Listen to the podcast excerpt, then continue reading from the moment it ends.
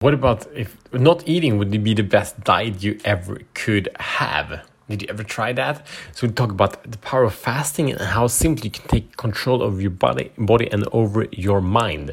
So we are in the you versus you week. It will be basically weeks because it's so exciting. We speak about how the old limited you, limited self, will um, can be taken over, can be changed, can be transformed by these small daily practices of, the, of, of um, your physical, mental, emotional, spiritual body. So, yesterday we spoke about food, and today we speak about not eating. So, usually today the issue is that you know, a lot of people wake up in the morning, start with a cup of coffee, have a sandwich or whatever it is, and then and that can be like seven in the morning or eight in the morning, and then a lot of people are eating until late at night, night having a night snack at, at 10 p.m.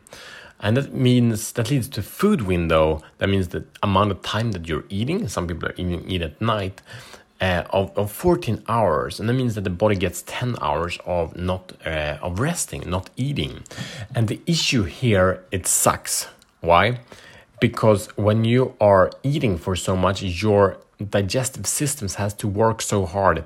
And that's one of the main functions of your body is actually to digest food. It goes so much energy to digest your food. And so we have to have to eat so we have the energy to digest right? Makes sense? And what also happens is that the body puts so much energy on the digestion of the food so it doesn't have time to build up the immune system it doesn't have time to recover. It doesn't have time to heal the cells, right? On the other side, that when you don't eat, the body actually start healing and repairing cells instead of wasting cells. It's huge. This is huge.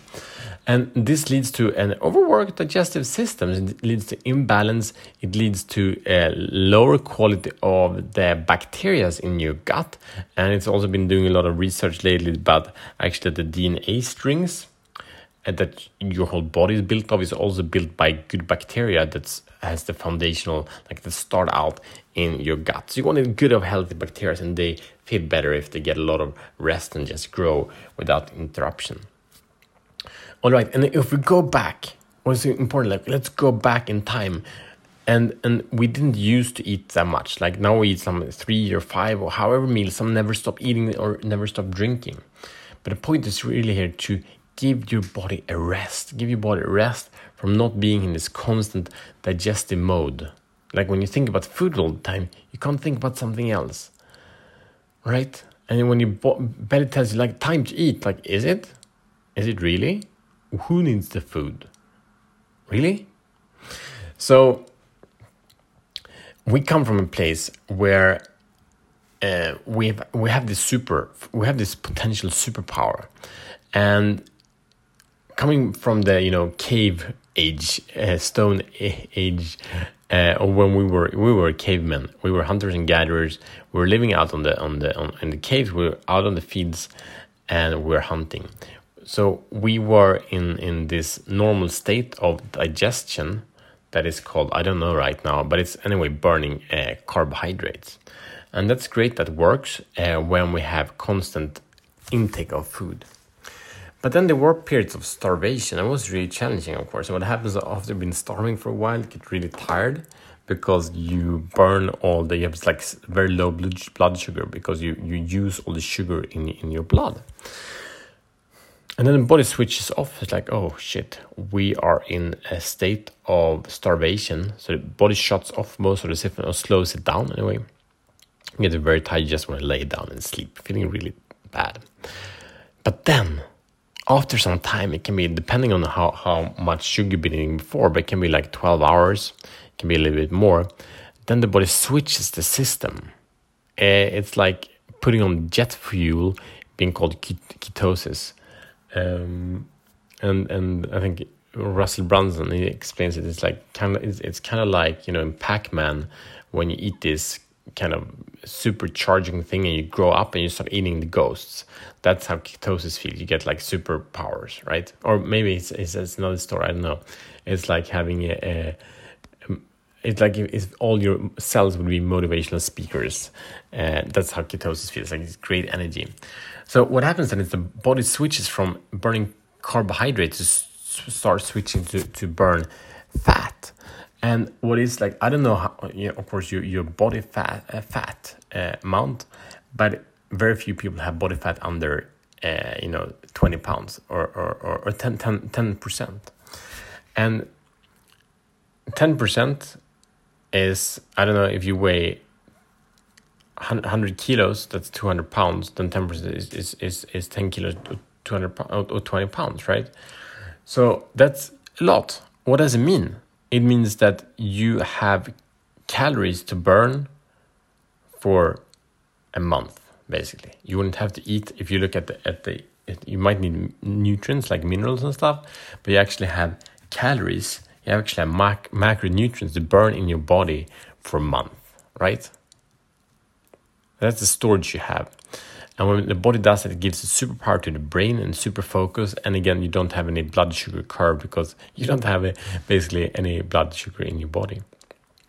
So this is superpower. What happens then after the starvation, and, and and we need to wake up because the body said, "Hey man, you need to get your shit together because you need to hunt something down or or harvest something because you need to eat now, otherwise you'll die." But these days we can actually put ourselves in this mode mode consciously and and we'll now speak about like fasting and food times and food window and there are many different diets. It's like the issue is if you're eating all the time you're in a, in a way that you need to eat uh, and and the body is like you're i'm hungry eat. But doesn't need mean that you need the nutrients in the moment. So instead find a way that works for you. What does it mean? Experiment again. And what will you experiment with find a fuel window that works for you. It can be the common one is you know fast for 16 hours, eat for eight. So you start at eight eight in the morning and eat until four in the afternoon. I like it better to start you know at eating at 10 in the morning and eat until six in the evening. That's a great food window.